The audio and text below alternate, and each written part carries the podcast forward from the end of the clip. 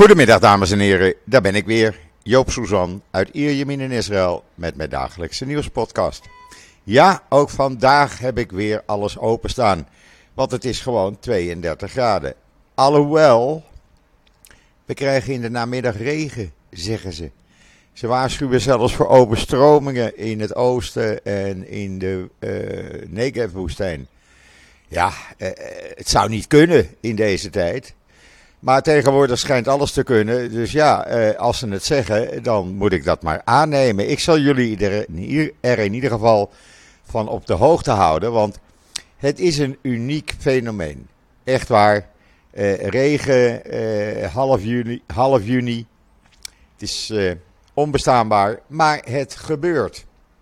Maar goed, laten we maar verder gaan met het nieuws. Eerst het nieuws in uh, israelnieuws.nl. 21 reservisten ontvingen gisteren van president Herzog een certificaat voor uitmuntendheid. hij had wel kritiek, want zei hij, reservisten zouden zich niet met de politiek moeten bemoeien. Althans, volgens Herzog. En zouden dus uh, gewoon hun uh, reservistendienstplicht moeten vervullen. En niet uit protest tegen de juridische hervormingen uh, weigeren hun oefeningen te doen. Ja, dat mag je dan wel zeggen. Maar je kan deze reservisten niet dwingen om zich helemaal niet met de politiek te, te bemoeien. Maar goed, hij was in ieder geval erg trots op ze. Allemaal in israelnieuws.nl. Uh, waar je ook kan uh, lezen. Een artikel wat ik overgenomen heb uit de Hebreeuwse website van de IDF. Namelijk een artiest die op een hele aparte manier in een appartement in Rosain. het is een gepensioneerde luitenant, luitenant-kolonel uh, kunstwerken graveert in glas. Het kunnen flessen, glazen zijn, uh, vazen. En dat betreft vaak of bijna altijd overleden eh, IDF-soldaten. Heel bijzonder, er zit ook een video bij. En uh, ja, ik vond dit artikel zo bijzonder. Ik heb het vertaald en op israelnieuws.nl gezet. Moet je maar even gaan lezen. Uh, dan kan je ook nog lezen in Israël Nieuws dat de IDF negen terreurverdachten heeft opgepakt in Judea en Samaria. Maar ook het huis van de tweede terrorist in kaart heeft gebracht, die moeder en dochters die heeft vermoord. Uh, dat huis zal dan binnenkort gesloopt worden, heeft hij toch niet meer nodig, want deze terrorist verdwijnt voor de rest van zijn leven zo goed als zeker in de gevangenis. Maar ja, daar kan hij weer studeren en eh, dat soort dingen doen. Maar goed, je kan het allemaal lezen in Israël Nieuws. Er staan ook foto's bij van de vele wapens die ze in beslag hebben genomen bij eh, die opgepakte terroristen. Want men uh, heeft aan wapens geen gebrek. Dan heeft KKL en JNF een uh, geavanceerde technologie gepresenteerd om bosbranden en natuurbranden tegen te gaan. Uh, er zit ook een video bij, kan je ook lezen in israelnieuws.nl. Uh, dat werkt uh, met een drone, met thermische en infraroodcamera's die dag en nacht werken. Heel bijzonder en dat zou dus het aantal bosbranden en natuurbranden moeten verminderen. Ik hoop het voor ze. En dan in uh, wat heb ik? Ja, dan heb ik online gezet een artikel wat ik overgenomen heb uit uh, de, het Israel Democratic Institute. Het is eigenlijk het meest betrouwbare instituut wat er bestaat hier in Israël. Met zeer uh, ja, vooraanstaande medewerkers, journalisten, professoren, noem maar op. En die hebben een uitleg gegeven in het kort uh, over die juridische hervormingen. Ik krijg daar heel veel vragen over. En ik vond het uh, belangrijk om uh, dat eens eventjes online te gaan zetten. Want ja, om die vragen constant te beantwoorden, ik dacht dat dit eigenlijk beter was, deze wijze. ze leggen daaruit hoe die juridische hervormingen werken die men voor ogen heeft. Wat uh, de complicaties zijn. Wat, ja, wat er eigenlijk gebeurt, waardoor de demonstraties zijn. Omdat het dus de controle op de uitvoerende macht gewoon wegneemt. En ook de burgerlijke vrijheden, economische welvaart en Israël, Israëls internationale status in gevaar zal brengen. En dat wordt helemaal uitgelegd in dat artikel. Er zit ook, eh, als je op de link klikt, dan kan je naar nog meer gespecialiseerde uh, onderdelen gaan. Die worden nog uh, breder uitgelegd als dat ik hier doe in het kort. Het gaat over de override-clausule. het gaat over die selectiecommissie van rechters. Dat is heel belangrijk, want dat gaat morgen plaatsvinden. Worden die rechters benoemd door uh, de coalitie of gaat de oppositie hier ook aan mee mogen doen?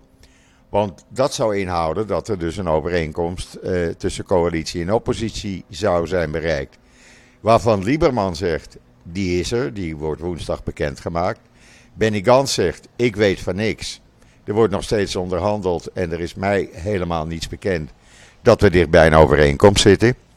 Uh, morgen moet er in de Knesset gestemd worden.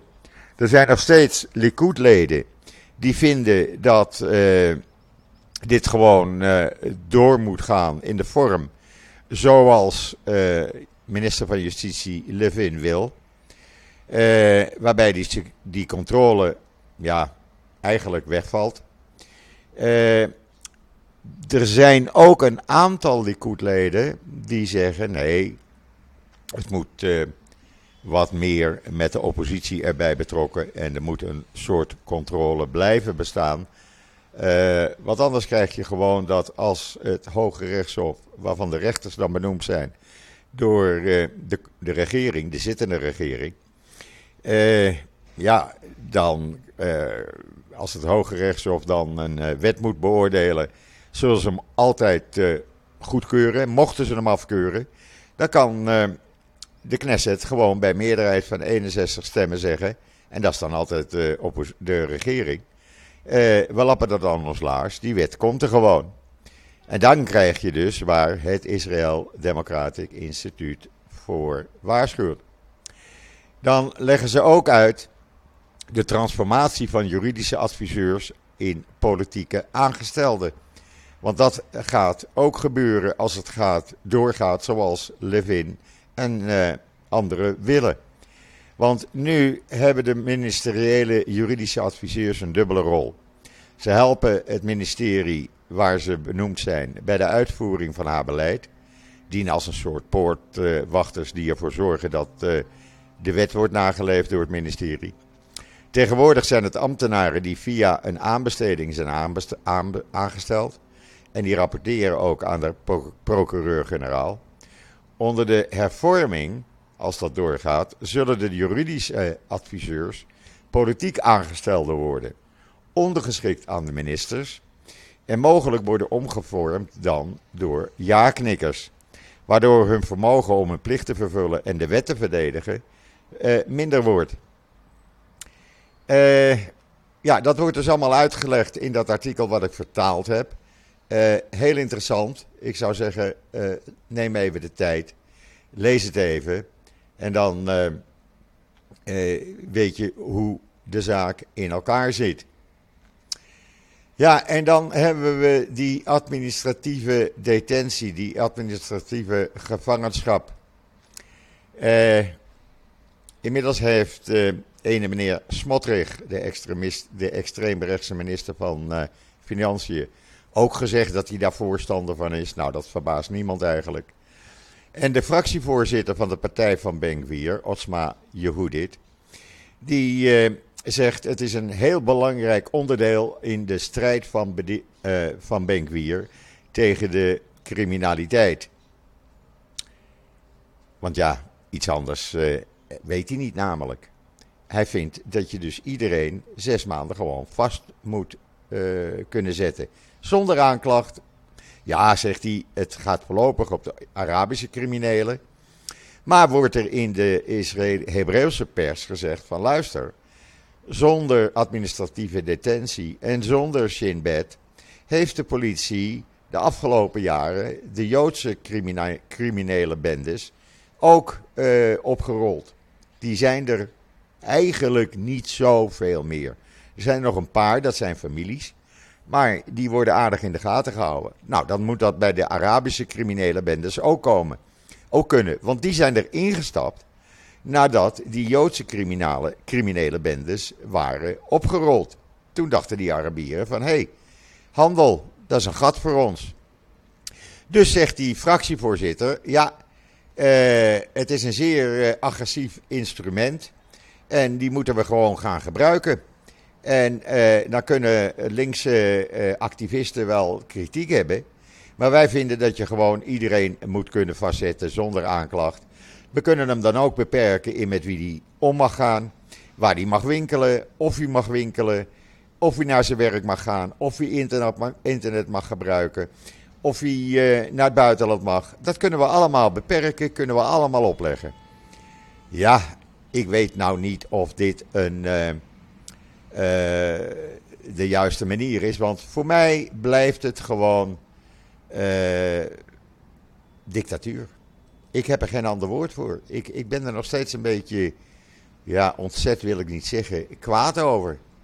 En dat Smotrich nu zegt van ja, we moeten die administratieve detenties mogelijk maken. Uh, ja, ik zou zeggen, ga eerst eens even andere manieren proberen.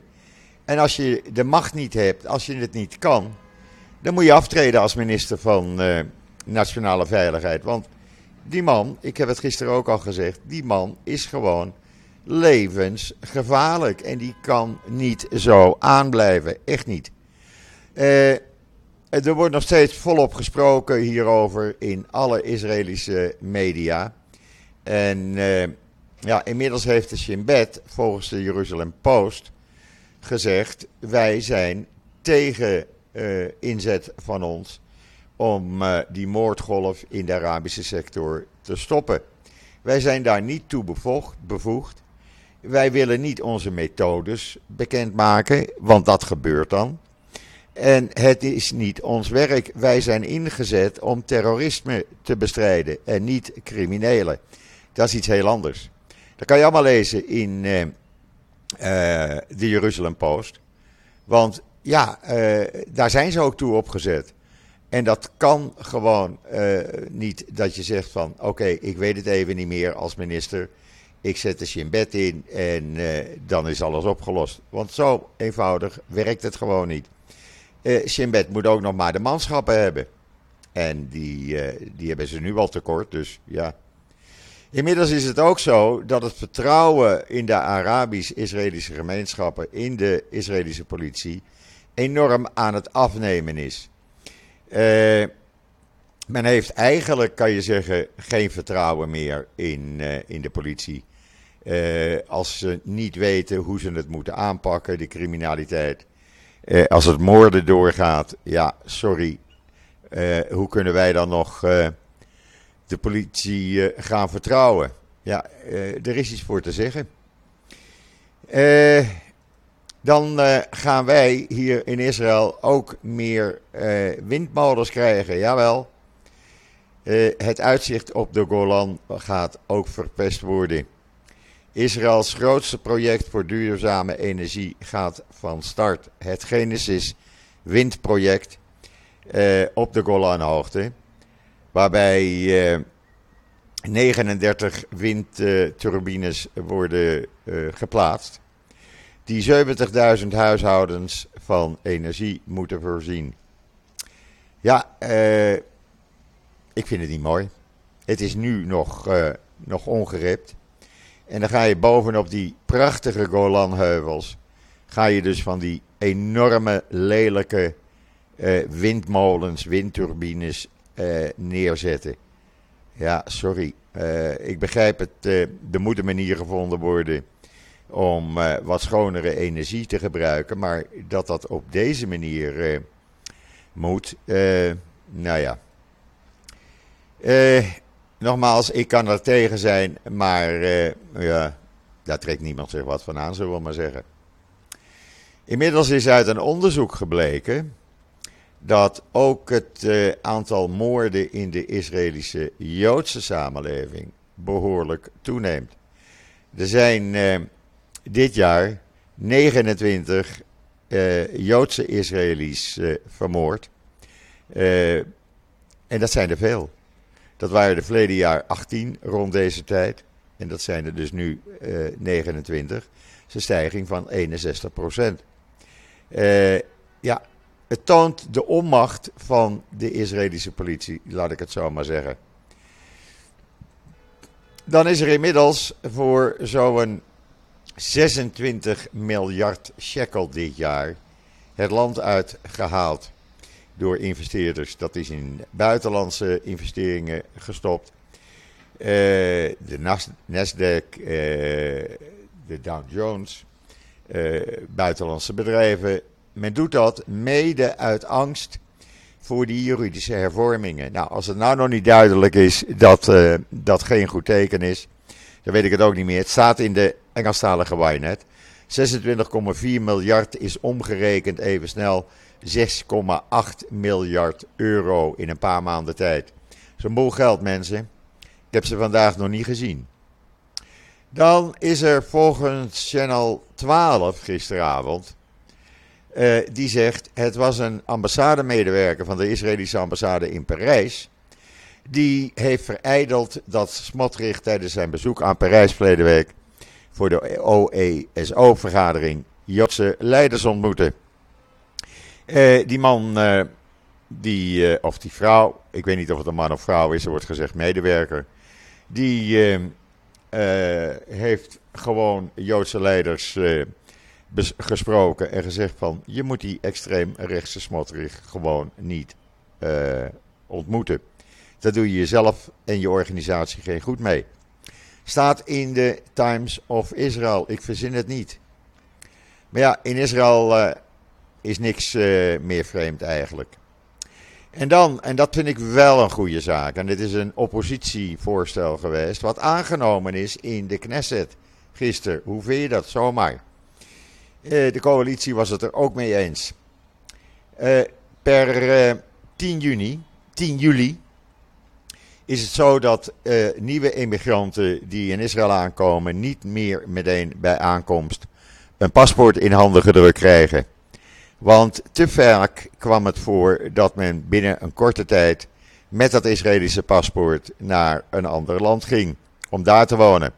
Het betreft dan vaak uh, Russen en Oekraïners en anderen uit Oost-Europese landen.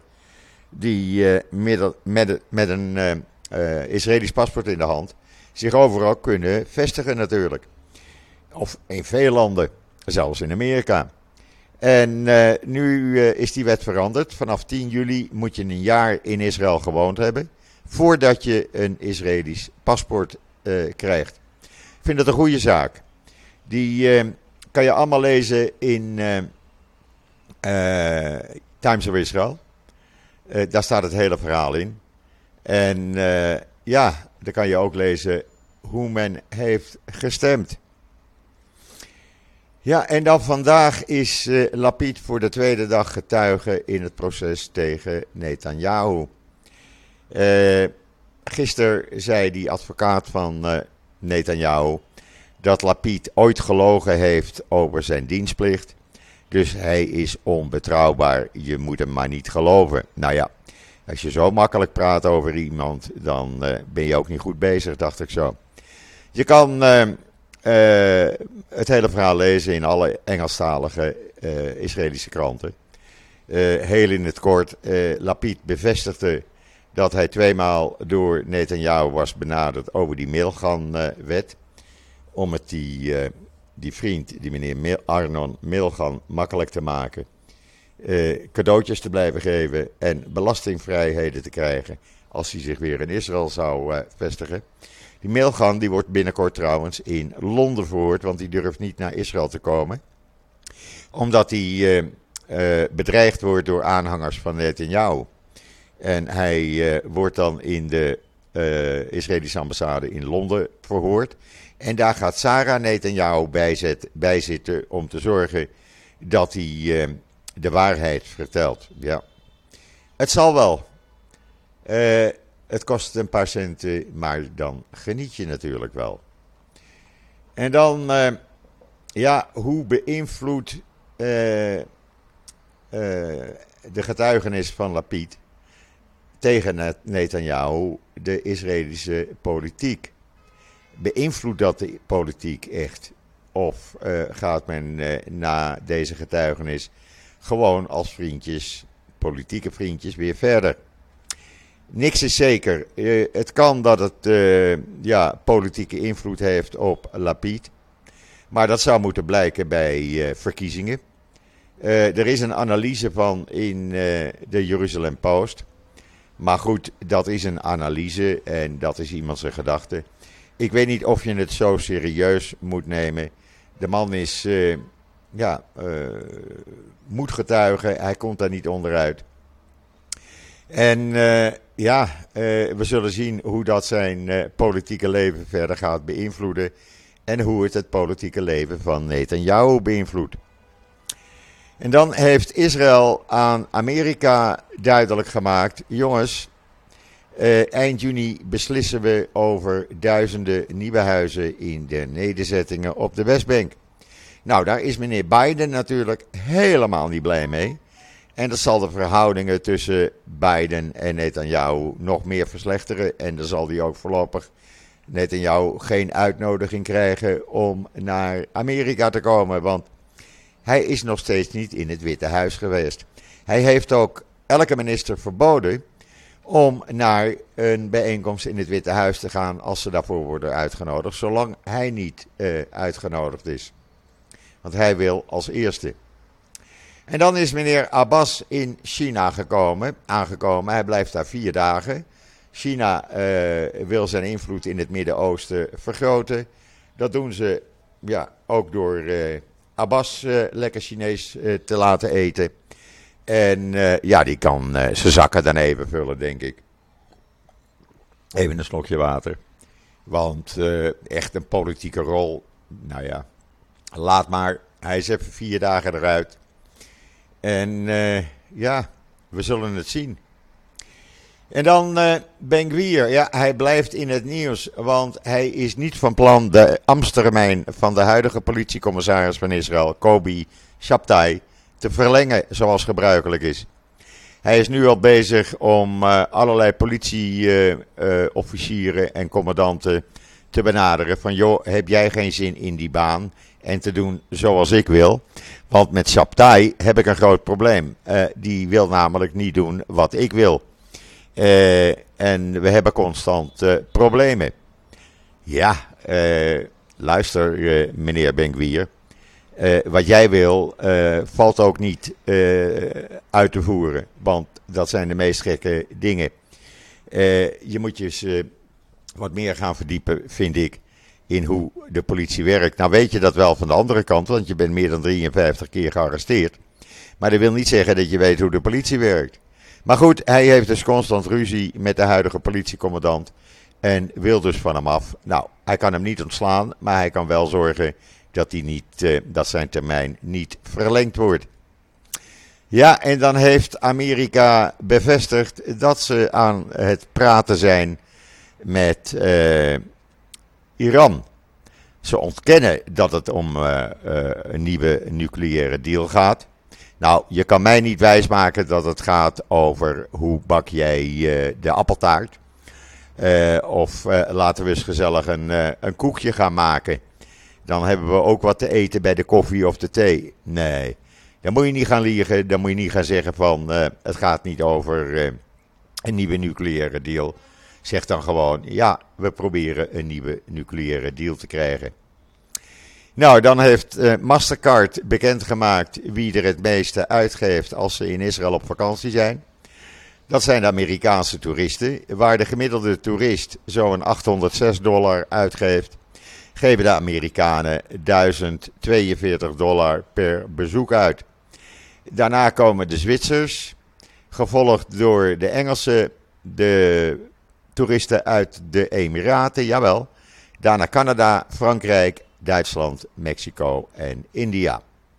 Maar het gemiddelde is dus 806 dollar. Staat in de Jeruzalem Post als je erin geïnteresseerd bent. En dan iets waar ik even om moest lachen. In de Jeruzalem Post staat een heel artikel vandaag. Dat eh, extreemrechtse minister van Financiën Smotrich heeft toegegeven dat hij eigenlijk geen Engels kent. Hij uh, weet niet hoe hij dat moet spreken. Uh, hij sprak uh, een tijdje terug op een conferentie van Israël Bonds. Nou, dat was om te lachen. Die video moet je nog maar eens even terugzoeken. Maar hij vindt het eigenlijk veel belangrijker dat hij goed Hebreeuws kent. niet dat je daar de wereld mee rondkomt.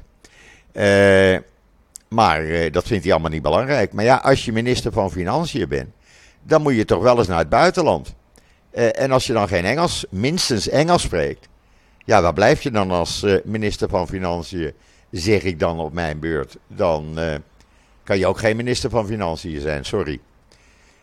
het toont maar eventjes wat voor ministers wij hebben, hoe die redeneren. ja, en wat hebben we dan nog meer? Ja, nog een bericht wat vanmorgen naar buiten kwam. En dat een domper is voor Netanyahu, moet ik zeggen. Want de Saoedische ambassade in Amerika heeft het heel duidelijk gemaakt. En gezegd: oké, er zal uh, normalisatie met Israël zijn. Maar alleen als er ook een Palestijnse staat komt. Nou, Netanyahu heeft altijd gezegd: wij uh, willen graag diplomatieke betrekkingen met uh, de Saudis. Dat had hij ook als een van zijn verkiezingspunten gemaakt. Dat vond hij een heel belangrijk iets. Maar ja, uh, ik zie Netanyahu niet iemand zijn die een Palestijnse staat daarmee akkoord zal gaan. En zelfs al zou hij ermee akkoord gaan. Hallo, hij heeft ultra-orthodoxe en extreemrechtse ministers en partijen dus, waar hij zaken mee doet daar, eh, die zullen daar absoluut niet mee akkoord gaan. Dus ja, als dit het standpunt is van de Saoedi's, dan denk ik niet dat er een uh, diplomatieke band zal worden opgericht tussen Israël en de Saoedi's. Over Iran zouden ze het wel nog kunnen eens worden, Israël en de Saoedi's. Maar uh, zonder uh, Palestijnse staat, zonder dat Abbas zijn eigen staat mag hebben, Vergeet het maar, het komt er gewoon niet.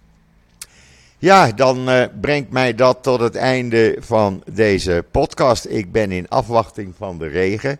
Ik zie het wel steeds meer bewolkt te worden. Ik kan er nog steeds niet over uit, mensen. Regen op 13 juni. Maar goed, tegenwoordig kan alles. Ik uh, hou het niet op klimaatverandering. Echt niet. Want in de miljoenen jaren dat de aarde bestaat, zijn er al vaker dit soort veranderingen gekomen. We hebben hitte gehad, we hebben de ijstijd gehad. Uh, enorme regen, enorme droogte.